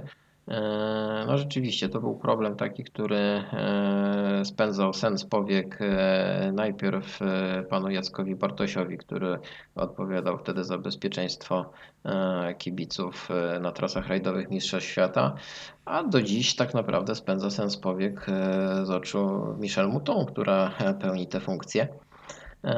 No ale tutaj no, sam przyznasz, że akurat zapanować nad kibicami w rajdach samochodowych e, no, nie da się całkowicie i w 100%. Oczywiście, że tak, tylko zwróć uwagę jednak, jakie dzisiaj mamy do tego e, narzędzia. To jest coś, co troszkę przypomina mi działania militarne. Jeżeli popatrzysz na to, jak FIA jakie środki próbuje wdrażać, począwszy od dronów, a skończywszy na em, takim systemie, który dzisiaj jest e, stosowany w pierwszych 15 samochodach, czyli takiego podglądu na żywo, gdzie mm, jeden z komisarzy sobie siedzi przed komputerem i pierwsze 15 załóg e, ogląda po prostu obraz ze zderzaka em, samochodu, widząc gdzie ewentualnie w których miejscach y, mogą wyjść kibice, no bo niestety kibice też prowadzą swoistą wojenkę z komisarzami, kryją się po krzakach podczas przyjazdu delegata bezpieczeństwa, natomiast później wychodzą no niemalże pod koła tych samochodów. Mm, I to też jest niebezpieczne, więc y, no dzisiejsza walka z, o bezpieczeństwo no kibiców tak naprawdę jest o wiele bardziej zaawansowana niż była właśnie w latach 90. Z kibicami, e, jeśli mogę tak powiedzieć, problem był zawsze. Tutaj też mam kilka e, przykładów i o nich trzeba będzie wspomnieć, e, bo ich bezpieczeństwo jest nie mniej ważne jak bezpieczeństwo zawodników. I o ile zawodnicy e, mają pełny wachlarz e, możliwości, e, no, które pozwalają im się poczuć bezpiecznymi w czasie rajdu samochodowego, mają no, konstrukcję samochodu, która za to odpowiada, mają szelkowe pasy, kubełkowe fotele, systemy HANS, które pojawiły się mniej więcej w 2005 roku. Przypomnijmy może, co to taki, co, co oznacza ten skrót. HANS, czyli Head and Neck Support System, czyli system wsparcia szyi, odcinka szyjnego kręgosłupa. Zapobiega urazom rdzenia kręgowego przy dużych przeciążeniach wywołanych wypadkiem. No i nie oszukujmy się, to system, który naprawdę zrobił dużo dobrej roboty i znowu ja pamiętam... Dużą furorę, tak. Ja pamiętam, jak ten system wchodził do rajdów. Wielu zawodników narzekało na to, szczególnie piloci pieczyli, że jest to niewygodne. No, ja przyznam szczerze, że mm, ja sam nie lubię Hansa, bo, bo Hans gniecie, natomiast y, no, można się do niego przyzwyczaić i na pewno jest tym elementem, który ratuje życie. Jest nieodłącznym elementem, także nikt sobie nie wyobraża tego, żeby wystartować. Ale to właśnie zawodnicy mają do e, dyspozycji właśnie takie możliwości. No a kibice tak naprawdę oprócz e, zdrowego rozsądku e, no, mogą liczyć ewentualnie tylko na organizatora, który wyznaczy im odpowiednie miejsca, który zapanuje nad tymi emocjami, które przecież towarzyszą rajdom. A przecież e, z kibicami, tak jak wspomniałem, no problemy były od zarania dziejów. E, Przyciągał ten sport e, rzesze ludzi na odcinki specjalne, gdzie przecież nie ma trybun. W każdym miejscu można wejść na taki odcinek specjalny. No i takich wypadków z kibicami było mnóstwo.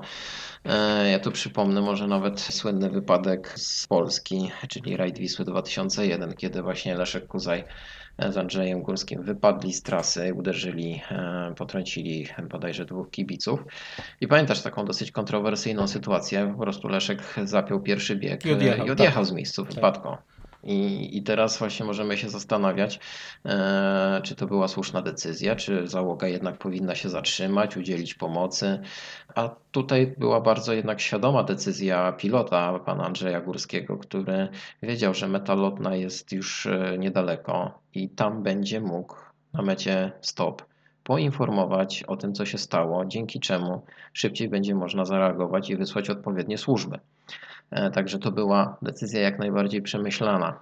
E, I, i, I to jest właśnie w dużej mierze zależy od samych zawodników, a w szczególności właśnie od pilota, e, który musi podjąć wtedy bardzo szybką decyzję. Tu muszę jeszcze powiedzieć o jednej historii, która miała miejsce y, w jednym z rajdów w Irlandii w e, latach 90., je- kiedy to właśnie Bertie Fischer po uderzeniu, tylko nie pamiętam już w tym momencie na którym rajdzie, po uderzeniu jednego z kibiców, ryzykowali własnym życiem jadąc pod prąd praktycznie odcinka specjalnego, tylko po to, żeby dojechać na start i poinformować o, o całym zajściu. Dokładnie taka sama sytuacja miała miejsce podczas rajdu Cormorant Tak. w 1999 roku, e, kiedy zaraz po starcie wypadła załoga pole tyłu Mroczkowski. E, Kuba wtedy został e, na miejscu wypadku, gdzie było kilka poszkodowanych osób.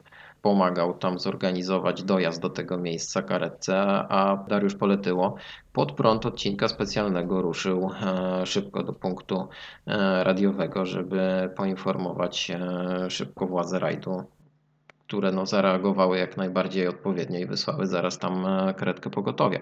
E, Finalnie oczywiście załoga została zdyskwalifikowana za jazdę e, pod prąd po odcinku specjalnym, no ale tutaj to była jak najlepsza decyzja i wiem to właśnie z opowiadań samego Kuby, że dziś postąpiłby dokładnie tak samo. To też pokazuje ogrom pracy, jaką organizatorzy muszą wykonać, bowiem Wspomniałeś o kibicach, o, o tłumach kibiców. Y, 1986 rok, start rajdu RAC. Podczas jednego z odcinków em, lokalna policja naliczyła przeszło 250 tysięcy widzów. Więc zapanować nad taką masą, później zabezpieczyć jeszcze drogę wyjazdu z tego parku. Wiadomo, że ci kibice będą jechać na następne odcinki, y, żeby rozładować ten ruch. No, kawał olbrzymiej roboty. No ale mówisz tutaj o latach 80., a wystarczy e, wspomnieć słynny onboard załogi e, Gryczyński-Burkacki z prologu rajdu Polski 99, co się działo wtedy na Błoniach w Krakowie. No miałem przyjemność tam Eee, wtedy no. być, to jest faktycznie. y, I tam policja nie dawała sobie rady już y, z kontrolą tego tłumu, to jest prawda. To jest wręcz absurdalne, co się działo. Ale tutaj temat kibiców e, to jest naprawdę temat rzeka. E, tutaj to jest przede wszystkim też zdrowy rozsądek e, samych kibiców oglądających rajd samochodowy. Ale właśnie, Właśnie, bo przypomnijmy o jeszcze- o procedurze. Właśnie, bo o tym chciałem powiedzieć. Kontynuuj, przepraszam. Nie, bo wspomnieliśmy przecież e, na samym początku o tej procedurze bezpieczeństwa, procedurze wypadkowej, e, która nie tylko służy zawodnikom, ale ona także właśnie służy e, kibicom. Zawodnik jest e, zobowiązany nawet do tego, że jak zobaczy jakąś sytuację na odcinku specjalnym, e, nawet nie związaną z, z wypadkiem e, innej załogi, no też jest zobowiązany procedurą bezpieczeństwa do reakcji, tak? do udzielenia jakiejś pomocy, do poinformowania odpowiednich służb, że coś się stało. E, Także to jest do, dobrze, że ten dokument istnieje. Ja mam wrażenie, że rzeczywiście e, on jest trochę zaniedbywany przez zawodników e, i takie potem zachowania, no, jak w przypadku właśnie Griazina, są no, dosyć kontrowersyjne, no mówiąc krótko, tak? Bo jednak e, większość osób uważa w dalszym ciągu, że podobnie by się zachowała, bo tam nie było wystarczającej czytelności znaków, które były pokazywane nadjeżdżającej załodze. No tak, a jednocześnie wytyczne są bardzo jasne i klarowne. Załącznik H, który, tak, tak. który zbiera te wszystkie informacje, no y, on bardzo jasno to obrazuje. Ja polecam gorąco naszym słuchaczom mm, udać się na stronę FIA. Tam można znaleźć y, w dokumentach do pobrania broszurę informacyjną, która nazywa się FIA Rally Safety Guidelines 2021. To jest y, bardzo przystępna książeczka, która mm, ma około 60 stron, natomiast pokazuje mm, aspekt e, bezpieczeństwa podczas trwania imprezy rajdowej praktycznie z każdej mm, możliwej strony. Pokazuje kto jest kim na odcinku specjalnym, kto jest za co odpowiedzialny. Także jest to doskonały podręcznik do po prostu lepszego zrozumienia naszego ukochanego sportu. E, Tam też jest opowiedziane o procedurze wypadkowej w bardzo e, prosty sposób i niestety, tak jak powiedziałeś wcześniej, e, procedura jest określona klarownie i wyraźnie mówi, że jeżeli nie widać e, tablicy SOS bądź e, mm, żaden z e, członków załogi nie pokazuje e, czystych i, i, i- zrozumiałych znaków, niestety załoga nadjeżdżająca musi się zatrzymać. Powinna się zatrzymać, powinna się zatrzymać właśnie, bo to jest, to wynika z takiej no, e, sumienia, solidarności e, między zawodnikami. Znaczy ja sobie pozwolę może na cytat z fragmentu procedury bezpieczeństwa z, ze strony Polskiego Związku Motorowego, który mówi wyraźnie, że czerwony znak SOS pokazuje się, gdy poszkodowani potrzebują pomocy. Jeśli z jakiegokolwiek powodu nie będzie możliwe pokazanie znaku OK SOS w dowolnej z powyżej opisanej sytuacji, członkowie załogi znajdujący się poza samochodem muszą w zamian w sposób wyraźny i zrozumiały zastosować mowę ciała. Podniesione ramię z kciukiem skierowanym w górę celem przekazania znaku OK lub skrzyżowane ramiona nad głową celem pokazania znaku SOS. Eee, to jest określone tak bardzo wyraźnie czerwonym drukiem w procedurze. Eee, To jest bardzo istotne. W przypadku tego wypadku eee, Herciga i sytuacji z rajdu Węgier nie mieliśmy ani tablicy, ani wyraźnych znaków, a ze strony kierowcy i marszala, który się tam znalazł. Ale to jest tak, jak powiedziałeś, to powinien być odruch bezwarunkowy. widzę samochód poza drogą. Ja mam wrażenie, że nie wiem, niektórzy zawodnicy zareagowaliby dopiero jakby zobaczyli totalnie przemieloną rajdówkę leżącą na dachu i może wtedy dopiero rzeczywiście byłaby jakaś reakcja. A tutaj no, ciężko Niestety. powiedzieć właśnie jak to zostało odebrane. Tak, Ale okej. Wybaczcie, że dzisiaj może tak trochę chaotycznie rozmawiamy na temat tego bezpieczeństwa w rajdach samochodowych, ale tak jak powiedziałem, staramy się to rozpatrzeć na różnych płaszczyznach. Ale jeszcze jest jeden bardzo ważny aspekt, o którym nie wspomnieliśmy, a chodzi mianowicie o zaplecze organizatora, e, które jest bardzo istotne, jeżeli chodzi o e, udzielanie pomocy, e, no i zabezpieczenie w ogóle e, kibiców i zawodników e, podczas trwania rajdów. Mam tutaj na myśli e, samochody ratownictwa drogowego. E, I tutaj też trochę wrócę do lat 2000-2001, kiedy w Polsce miała miejsce największa rewolucja, jeżeli chodzi o te przepisy, Mm, ponieważ okazało się na przykład, że przed jednym z rajdów zimowych samochody ratownictwa drogowego PZ Mod, e, były to wtedy jakieś polonezy, jak dobrze pamiętam, nawet nie miały opon zimowych. Okazało się, że te auta były tak dramatycznie wyposażone, że na ich stanie wyposażenia brakowało głupiej latarki. E, I bardzo długo przymykano oko na takie sytuacje, e, ale wtedy e, jeden z byłych zawodników odpowiedzialny za bezpieczeństwo do spraw e, zawodników e, i kibiców e, zwrócił na to uwagę i wymógł na organizatorze zastosowania chociażby łańcuchów e, na koła.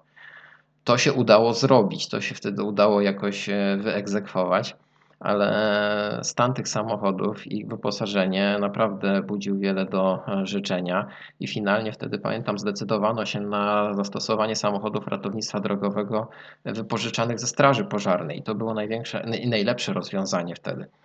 E, I, i- to na pewno bezpieczeństwo zwiększyło. no tutaj chyba najlepszym przykładem będzie e, wypadek Mariana Bublewicza, gdzie No właśnie, 40 bo- minut czekania na jakąkolwiek pomoc e, właśnie ze strony samochodu, którym byłyby środki do tego, żeby rozciąć nadwozie auta. No, pra prawdopodobnie to, to Tak, a na zaważyło miejsce, na... na, na miejsce wypadku podjechał wtedy e, duży Fiat Kombi karetka.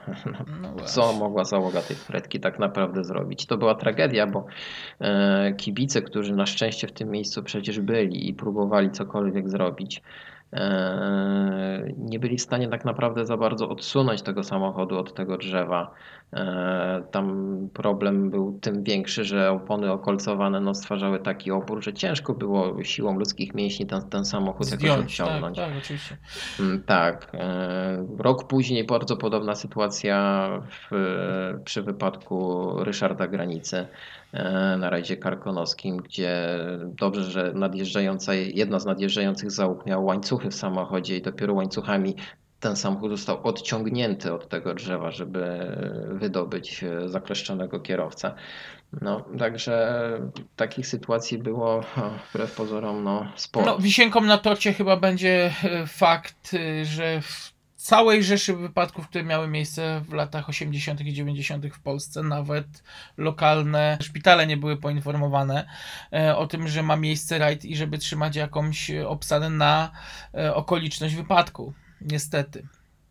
Tak, to też był duży problem, jeżeli chodzi o e, same karetki, które pojawiały się na rajdzie, bo nieraz na no, pokładzie tej karetki nie było lekarza lub ratownika. No, to wszystko naprawdę było mocno zaniedbane. Paradoksalnie ta sytuacja z rajdu Wisły 2000 i ta źle ustawiona szykana e, wywołała lawinę zmian. No, niektóre te zmiany może nie zostały e, zbyt poważnie potraktowane. E, Może niektóre sytuacje można było zrobić lepiej, ale rzeczywiście to, co wtedy e, postanowili zmienić sami zawodnicy, byli czynni zawodnicy, chwała im za to dzisiaj, no, spowodowało, że jednak może tych wypadków było mniej. No. Tutaj trzeba oddać szacunek właśnie organizacji, jaką jest FIA, która no, wywindowała te standardy bezpieczeństwa do takich warunków, jakie mamy dzisiaj. Każdy wypadek historii jest odnotowany w tworze, który nazywa się Światowa Baza Danych Wypadków. Ona została powołana chyba 10 lat temu, właśnie po to, by no, wyciągać lekcje, by uczyć się tego i unikać y, jakichkolwiek dalszych błędów mm, po wypadku. I, i, I każdy z tych wypadków, który miał miejsce, czy to ze skutkiem takim czy innym, mm, jest odnotowany na kartach y, tej bazy danych, tak by analitycy, by ludzie odpowiadający za tworzenie regulaminów, procedur bezpieczeństwa mogli przeanalizować, co poszło nie tak, co może pójść nie tak i żeby wyciągnąć po prostu No wypadku się nie uniknie, bo to jest je- nieodłączny element tego sportu i, i, i tutaj e, nie jesteśmy w stanie ograniczyć tego ryzyka e, do zera. E, wypadki są e, no i będą, tak? To, to, to nie ulega wątpliwości. E, no ale jednak e, no, te ostatnie 20 lat e, pokazuje, że ktoś wziął sobie do serca i te, te problemy związane z bezpieczeństwem i tutaj chyba największa jednak zmiana i rewolucja nastąpiła. Ja mam takie wrażenie, że to jednak te ostatnie 20 lat e, to jest, to jest e, e, duży postęp w tym temacie. Tak, oczywiście i ja wiem, że czasem psioczymy na to, że nie możemy podejść bliżej drogi, że musimy stać w strefach wyznaczonych, że wjazd, dojazd do odcinka jest zamknięty, że trzeba iść przez półtora kilometra pod górę ciemnym lasem. Okej, to jest, to, to się tyczy nasz, nasz, nasz kibiców, tak, y, że, że to jest nasze bezpieczeństwo, tak, no ale tutaj to y, powiedzmy, że jednak organizator ma bardziej związane ręce, tak, no bo to jednak my finalnie zadecydujemy, każdy kibic finalnie zadecyduje, gdzie stanie, w którym miejscu, tak, ale bezpieczeństwo właśnie konstrukcji rajdowych, regulaminy, które poważniej podeszły do tego tematu, e, wypadki, które zmotywowały tak naprawdę ludzi do, do jakichś zmian. E, To było istotne. No, to jest przykre oczywiście, że dopiero wypadek musi obudzić wyobraźnię, e, ale no, no jakieś jednak. e, Tak, poczyniono kroki, y, które sprawiły, że ten sport jest po prostu dzisiaj lepszy i bezpieczniejszy. No właśnie. To jest e, chyba e, dobry moment, żeby zakończyć te nasze rozważania. Nie wiem, przychodzi Ci jeszcze coś do głowy, bo ja mam jeszcze mnóstwo gdzieś tam myśli, które mi się kołaczą w tej chwili po głowie, ale no nie chcemy przedłużać. O regulaminach można by rozmawiać godzinami i, i na pewno do regulaminów Tak. jeszcze będziemy wracać. o regulaminach godzinami. E, można też e, przytaczać jeszcze mnóstwo e, przykładów, e, które no, miały jakiś tam niebagatelny wpływ na zmiany. No, ale chyba, chyba zakończymy dzisiaj e, na tym. e, Ponieważ e, to jest rzeczywiście temat rzeka. Ja jeszcze raz przeproszę słuchaczy, że może trochę chaotycznie dzisiaj rozmawialiśmy na ten temat, ale inaczej się nie da ciężko to wszystko pozbierać tak jakoś e, e, i sensownie przedstawić, e, biorąc pod uwagę, jak dużo zmian zachodziło na przestrzeni lat. A nawet jeśli się da, to my inaczej po prostu nie potrafimy. No tak, no może trochę tej dynamiki do tej rozmowy dzięki temu dodaliśmy. No, prosimy tradycyjnie o Wasze też komentarze i o uzupełnianie może tej tematyki, bo to jest bardzo ważne. Cóż tutaj możemy jeszcze więcej powiedzieć? No, tradycyjnie pewnie po nagraniu pewnie znowu coś nam się przypomni, że jeszcze coś można było powiedzieć, jeszcze, jeszcze coś ciekawego dodać. Ale chyba temat e, jak na te półtorej godziny e, wyczerpaliśmy. No myślę, że tu już y, nie ma co przedłużać. Ja zachęcam do komentowania, do odwiedzenia naszych profili social mediowych. Jesteśmy na Instagramie jako 6P do 7L. Jesteśmy na Facebooku również jako 6P do 7L. Em, w- między odcinkami wrzucamy tam dużo ciekawych rzeczy, więc naprawdę zachęcamy do odwiedzania tych miejsc. No i co? Regularnie, tak jak zwykle, do usłyszenia za dwa tygodnie. O, ja jeszcze zanim się pożegnam, e, to chciałbym podziękować właśnie naszym słuchaczom, a szczególnie jednemu konkretnemu słuchaczowi, e, który napisał do nas ostatnio bardzo e, ciekawą wiadomość, która dodała nam skrzydeł. Nie będziemy może tutaj cytować o co chodzi, ale osobiście chciałbym podziękować Jackowi Mazurowi znanemu fotografowi e, lat 90. rajdów samochodowych w Polsce, e, który nas słucha i naprawdę e, podziękował nam za to, że stworzyliśmy właśnie taki podcast i staramy się przytaczać e, tych historii aż tak dużo. Także dziękujemy Ci Jacku bardzo za, za tego miłego, za tę miłą wiadomość, e, którą od Ciebie dostaliśmy. Postaramy się być coraz lepsi. To faktycznie uskrzydla. Muszę przyznać, że naprawdę serce rośnie. No to teraz chyba się możemy pożegnać. Także e, słyszymy się, mam nadzieję, że za dwa Nie, tygodnie. nie, no regularnie, oczywiście. No, także teraz mieliśmy troszeczkę małe opóźnienie, ale Tylko dlatego, że Mistrzostwa Świata się kończyły, Mistrzostwa Europy i tego się trzymajmy, dobrze? tak, tego się trzymajmy. Przynajmniej mieliśmy okazję dokonać jakiegoś podsumowania. Także do usłyszenia. Czekamy na Was za dwa tygodnie. Do usłyszenia. Three right minus, tightens Para cat. rasante y izquierda buena más, poco tarde, viene y cierra más.